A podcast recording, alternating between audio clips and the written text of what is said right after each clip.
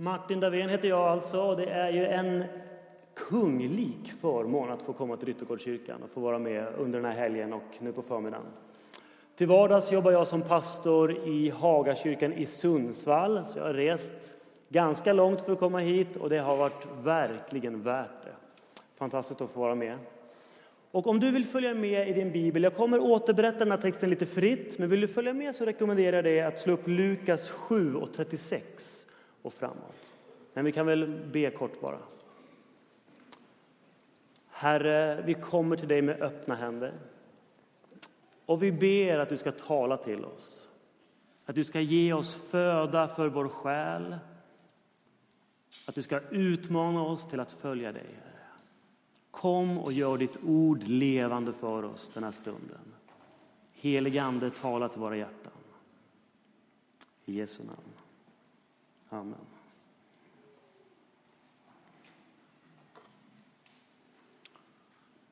Målmedvetet vandrar hon genom stadens gator. För varje gång hon sätter ner foten känner hon hur en våg av tacksamhet sköljer över henne. Aldrig har hon varit så säker. Aldrig har hon känt sig så beslutsam. Hennes hjärtas övertygelse får det att nästan tåras i ögonen. Hennes lungor nästan sprängs av den friska livsluft hon andas. Blickarna av förakt från de förbipasserande på gatan skulle normalt sett ha känts som en våt filt över hennes själ. Men inte idag. Inte den här gången. Inte sen hon honom. Mannen med stort M. Mannen som fått henne att förstå vad ordet förlåt djupast sett betyder. Den första man hon mött som inte ser på henne som ett sexobjekt utan som en fullvärdig kvinna.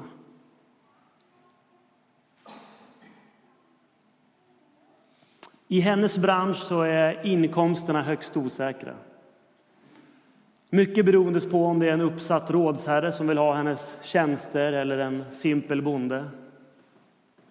Men den här kvinnan har ändå på något märkligt sätt lyckats stoppa undan lite grann genom åren. Hon har en liten livförsäkring där hemma i det gömda kassaskrinet ifall det oförutsedda skulle inträffa. Och hon skrattar nästan högst för sig, för sig själv när hon inser att det oförutsedda har ju faktiskt inträffat nu. Det hon aldrig trodde var möjligt har ju faktiskt skett. Hon hade aldrig trott att hon skulle känna sig så fri, så förlåten. Så levande, så glödande. Hon fnittrar nästan för sig själv när hon minns synen i mannens ansikte, parfymhandlaren. När hon kommer in med sitt kassaskrin, frimodigt går fram till disken, daskar ner skrinet upp och nervänt och det bara väller ut en hel hög med mynt. En hel årslön ligger där framför parfymhandlaren och hur hon säger med kraftfull stämma, jag ska ha den dyraste parfym du har. Han såg ut som en fågelholk, helt chockad. Och nu går hon där med parfymflaskan i ena handen. Så kommer hon fram till sin destination. Och så slår det henne. Just ja. Det är här farisén Simon bor. Hon hör röster där inifrån, glada tillrop, samtal som pågår. Hmm. Det var inte riktigt så här hon hade föreställt sig hur det här skulle gå till. Ska jag verkligen ge mig in där, där alla de där fariseerna sitter? Och så tänker hon så här, vad har jag att förlora? Hela mitt liv har jag känt mig som en katt bland hermelinerna. Vad spelar det för roll att just de här hermelinerna råkar vara lite högt uppsatta? Hon tar mod till sig, samlar kraft, så kliver hon över tröskeln. Inne i rummet så luktar det starkt av kryddor, av maträtter och det är 12-13 personer som ligger till bords kring ett U-format bord. Hon tittar runt i lokalen och sveper blicken till vänster över de finare platserna och till slut har hon hittat det hon söker. Jesus. Hon börjar gå lite försiktigt längs med väggen, trevar sig fram, försöker fastän det inte går att göra sig osynlig. Men till slut så är känslorna för starka, tårarna kommer, det bara sväller över. Hon småspringer fram till Jesus, öppnar flaskan, häller ut innehållet över hans fötter. Hon gnuggar fötterna med sina händer, masserar smeker. De är så smutsiga av allt vägdamm så till slut släpper hon ut håret, låter det falla ner över hennes axlar, använder håret för att gnugga mellan tårna, under naglarna.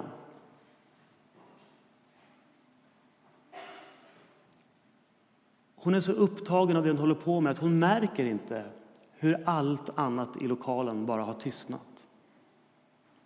Hur de andra männen som, som sitter där, de, de, de, är, de är chockade.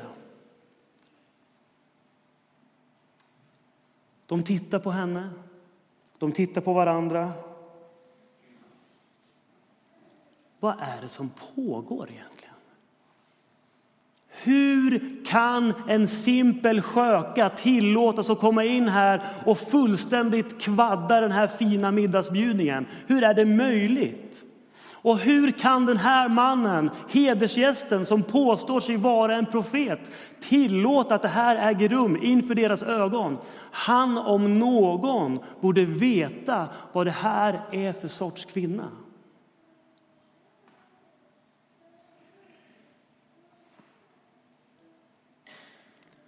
Jesus vet vad de tänker.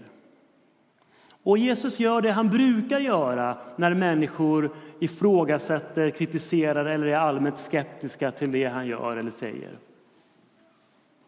Han berättar en liknelse. Jesus berättar en liknelse om två män som har en skuld. En är skyldig mycket, en är skyldig lite. Och så frågar han, vem tror ni är mest tacksam över att ha fått sin skuld efterskänkt? Simon, värden, svarar, ja men den som har fått mest efterskänkt skulle jag tro. Du har rätt, svarar Jesus. Så vänder han sig till kvinnan som stannar upp. Han ser henne i ögonen med sin stadiga, varma blick. Och så tilltalar han Simon och så säger han, ser du kvinnan här? Jag är gäst hos dig och du tog inte ens fram vatten till mina fötter. Hon har tvättat mina fötter med sitt hår. Du gav mig ingen hälsningskyss när jag kom in genom din dörr. Den här kvinnan har kysst mig med sina läppar över mina fötter.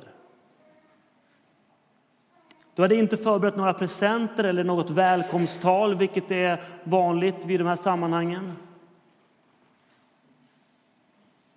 Den här kvinnan har smort mina fötter med den dyraste parfym.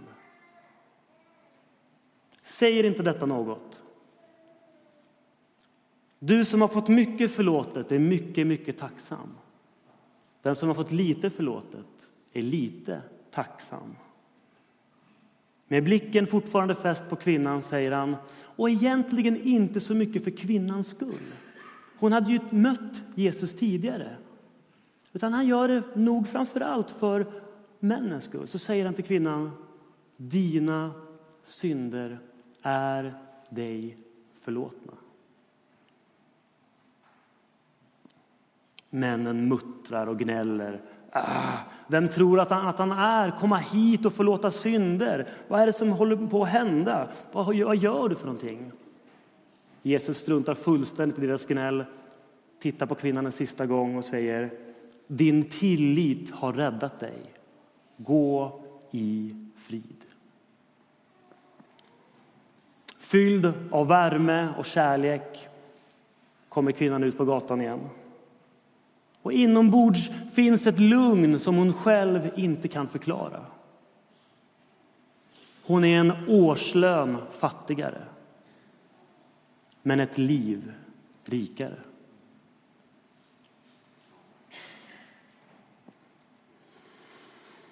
Den här berättelsen är så stark. Den rymmer så mycket så egentligen så behöver man inte säga så mycket mer.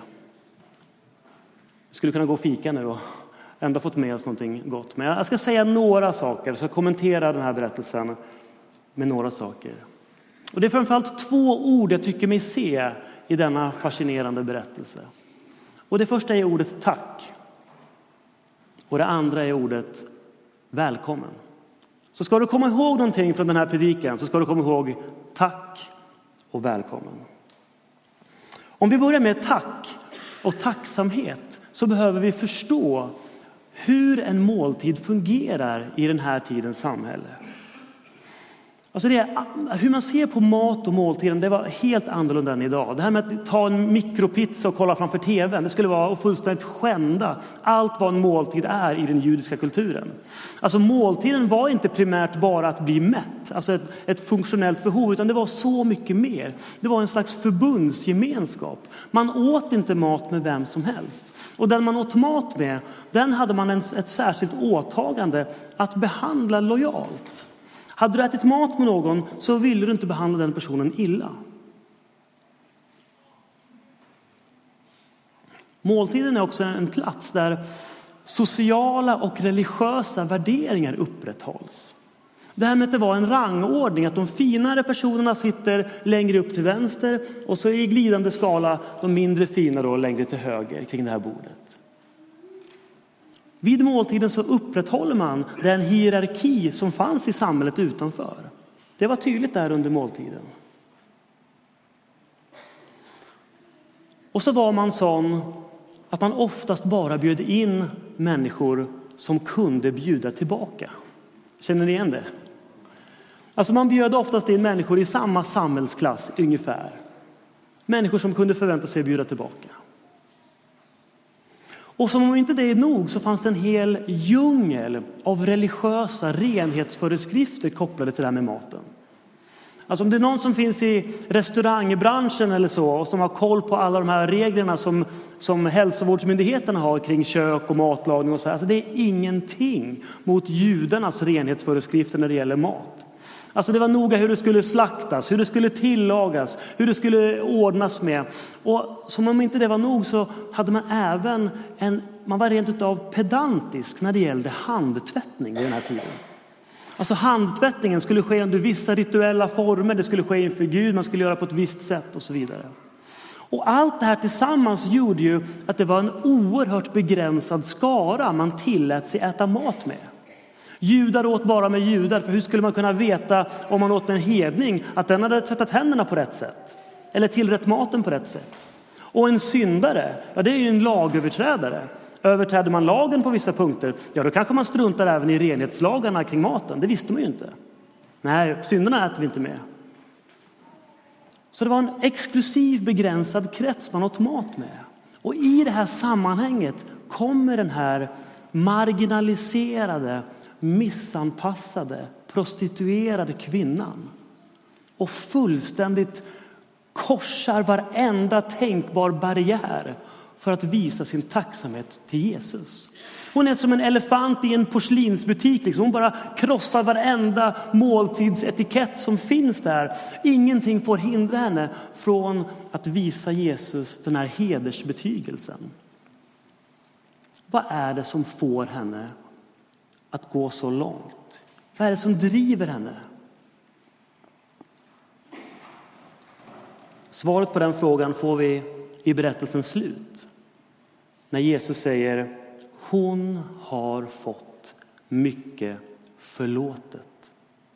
Hon har fått mycket förlåtet. Det är därför som hon inte låter någonting stoppa henne från att visa hennes tacksamhet till Jesus.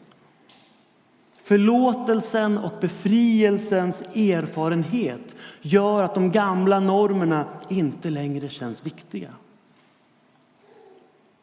Och när det gäller drivkrafter i ditt och mitt liv så är det så lätt att våra drivkrafter i det kristna livet blir samma drivkrafter som när det gäller allting annat i våra liv. För vilka är de primära drivkrafterna vi har? Det är piska och det är morot. Eller hur? Vi kämpar, strävar på jobbet för att få vår lön och vi kämpar och strävar för att inte få kicken, för enkelt sagt. Vi kämpar för att klara tentan. Vi kämpar för att undvika att kugga tentan. Alltså det mesta av det vi gör är ju för att antingen få någonting positivt längre fram eller undvika någonting negativt längre fram. Det är ju så det är. Men i bägge fallen handlar det om saker som äger rum längre fram. Potentiellt negativa eller positiva framtidsscenarios. Den här berättelsen påminner oss om att den kristna drivkraften inte handlar om att försträcka sig mot det som ligger framför primärt eller undvika det som negativa som kan hända. Utan den kristna drivkraften vilar på det som redan hänt. Korset är redan rest. Händerna är redan genomborrade. Priset är redan betalt. Kärleken är redan manifesterad.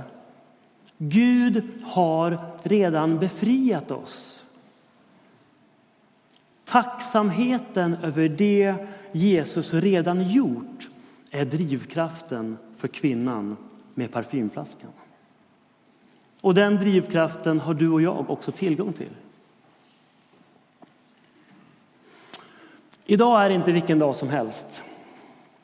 Idag är den dag på året då vi på ett särskilt sätt påminns om det himmelska hoppet och minns de som gått före oss. Och hoppet om himlen har för alla kristna i alla tider varit just en väldigt stark drivkraft i det kristna livet. Enkelt sagt, om man förenklar det hela så kan man säga att det handlar om att varför slösa bort sitt liv på sig själv nu när vi kan pusta ut i himlen sen? Varför inte satsa allt på Jesus, att följa honom så mycket vi bara kan i ett självutgivande liv? För vi vet ju att vi har en himmelsk hängmatta som väntar sen i himlen, om man förenklar lite grann. Och det har ju alltid i alla tider varit en enorm drivkraft att, le att leva, liksom. inte bara för nuet utan för det som kommer sen också. Men det är så lätt att det här med himlen också blir ett slags prestationstänk. Att vi ser himlen som en slags belöning sen. Att eh, det blir som en guldklocka efter lång och trogen tjänst. Och det är det ju delvis också, men framförallt så är det en gåva som redan är oss given. Det är ingenting vi behöver prestera eller sträva för att få, utan det himmelska hoppet är redan vårt. Precis som korset redan är vårt när vi säger ja till Jesus. Det är ungefär som att få en check med flera miljarder kronor. Checken är din. Du äger den, du har den i din hand. Sen behöver du inte växla in den just nu. Det finns en annan tid för det. Men löftet är ditt, du har det i din hand. Och även himlen är någonting som är oss i ryggen. Det är en tacksamhet över det himmelska hoppet som kan vara en drivkraft framåt i det kristna livet.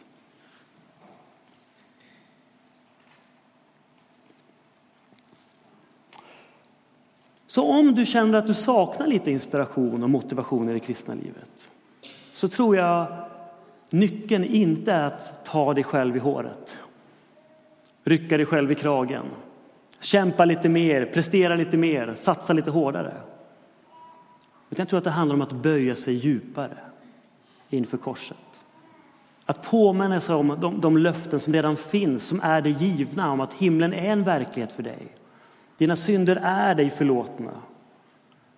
Att fördjupa hjärtats förståelse av vad det innebär att vara fullständigt förlåten av Jesus. Att Gud har dig i sitt grepp och bär dig ända in i evigheten. Att påminna sig om de sanningarna. Hur mycket har du fått förlåtet? Hur mycket har du fått förlåtet i ditt liv? Hur ofta njuter du av Guds nåd? Hur ofta njuter du över detta? Att du har tillgång till Guds nåd? Hur ofta uttrycker du för dig själv hur underbart det är att vara genomälskad av Jesus? Hur ofta njuter du av detta? Liksom? Åh, jag är älskad av Jesus. Hur ofta är du tacksam över att döden inte är slutet på ditt liv? Kvinnans tacksamhet tog sig uttryck i att offentligt smörja Jesu fötter. På vilket sätt uttrycker du tacksamhet i ditt liv? Vilka, vilka barriärer behöver du kliva över för att inför människor manifestera din kärlek till Jesus?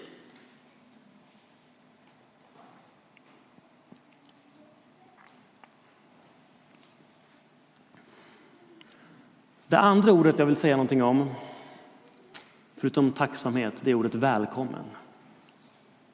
Något som fascinerar mig i denna berättelse det är hur en och samma händelse kan tolkas så fundamentalt olika. För farisén Simon så är kvinnans agerande det är en erotisk opassande handling som ligger i linje med hennes rykte som prostituerad. Och vi ska veta det, att det här med att släppa ut sitt hår som hon gör, det är inte bara att släppa ut sitt hår. Alltså I den här kontexten, i den här kulturen så var det oerhört provocerande. Det var extremt provocerande att ha sitt hår utsläppt på det viset. Och skulle vi jämföra det med idag, så det, det, det är nästan i, i klass med att som kvinna gå runt topless. Alltså. alltså det var otroligt provocerande. Så vi måste ändå förstå att, att Simon han är inte helt fel ute utifrån den kontexten. Alltså det, var, det var rätt att bli upprörd, för det var en enorm provokation där att släppa ut sitt hår mitt i den här middagsbjudningen. Men när Simon ser en missanpassad hora som förstör hans fina middagsbankett så ser Jesus någonting annat. Han ser en upprättad förlåten kvinna med stark tro. När Simon reagerar på att kvinnan inte passar in i de religiösa och sociala mallarna så ser Jesus en kvinna som faktiskt i högre grad uppfyller normerna. Medan Simon faktiskt inte gör det som man normalt gör ser till att gästernas fötter blir tvättade, ger en välkomstkyss och smörjer huvudet med olja. Så är det precis det som kvinnan gör, fast på ett lite annat sätt.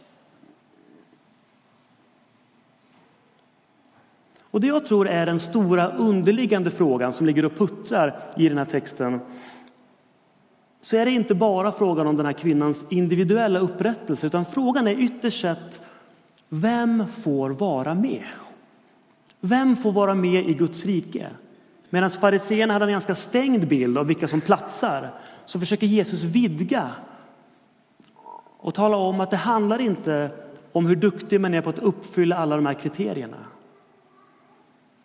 Det är inte bara de väluppfostrade, de välartade, de som kan reglerna, de som kan uppförandekoderna, de religiösa riterna. Det är inte bara de som platsar. Utan det räcker med att ha blivit upprättad av Jesus och vilja uttrycka sin tacksamhet. Allt handlar om vilken utgångspunkt vi har när vi bedömer människor.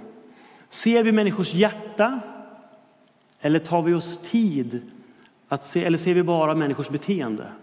Tar vi oss tid att se vilka inre drivkrafter en människa har innan vi bedömer och fäller domar över dens beteende? För nästan exakt ett år sedan så kom Micke till tro i Hagakyrkan där jag jobbar. I en nattvardsgudstjänst, helt utan förvarning, så bara ställer han sig upp, kliver fram och tar emot nattvarden. Hans fru som hade blivit troende några år tidigare genom Alfa var helt chockad. Hon hade ingen aning om att det här var på gång. Vännerna som var med var helt överrumplade. Och Micke bara bekänner färg där och då. Jag vill tillhöra Jesus. Några veckor senare så kommer Micke till en gudstjänst. Men han är lite annorlunda klädd den här gången. Han har på sig kilt. Han har varit i Skottland. Han gillar kilt. Han tycker det är härligt.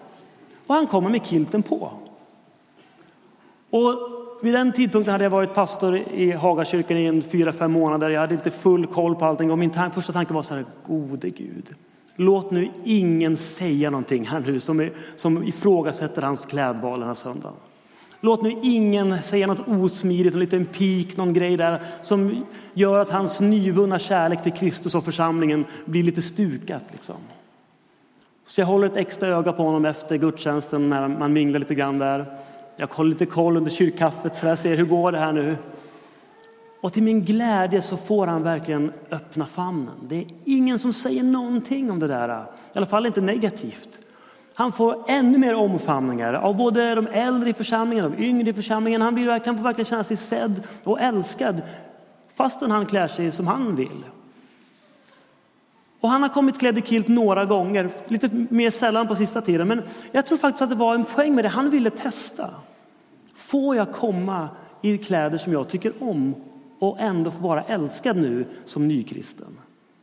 Och som tur är så omslöt vi honom i församlingen. Att säga ordet välkommen och verkligen mena det är en av församlingens viktigaste uppgifter. Och en av de största utmaningarna. Att acceptera människor där de är, inte där vi kanske tycker att de borde vara. Kristendomen är en religion som har skit under naglarna. Det handlar om att leta upp de marginaliserade, leta upp de som har det tufft, de som finns i periferin och älska dem närmare Jesus. Fariseerna åt bara med likasinnade, de som fanns i samma samhällsklass, de med samma tro, de med samma religiösa koder. Vilka bjuder du hem till dig en lördagkväll? Vem får sitta vid ditt bord?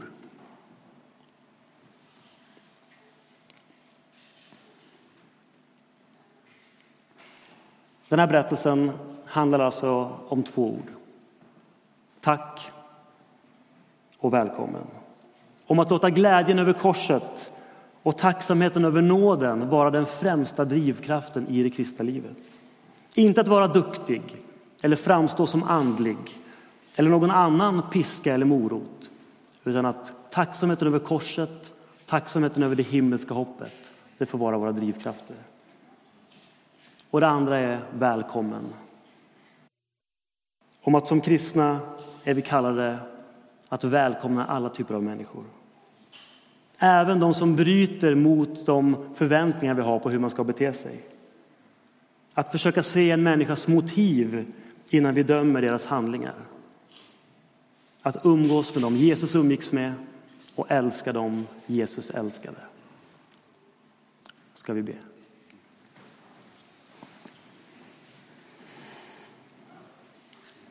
Herre, vi tackar dig för din nåd, ditt kors, det himmelska hoppet, Herre. Och Jesus, jag ber att vi den här förmiddagen skulle få bli påminda om det.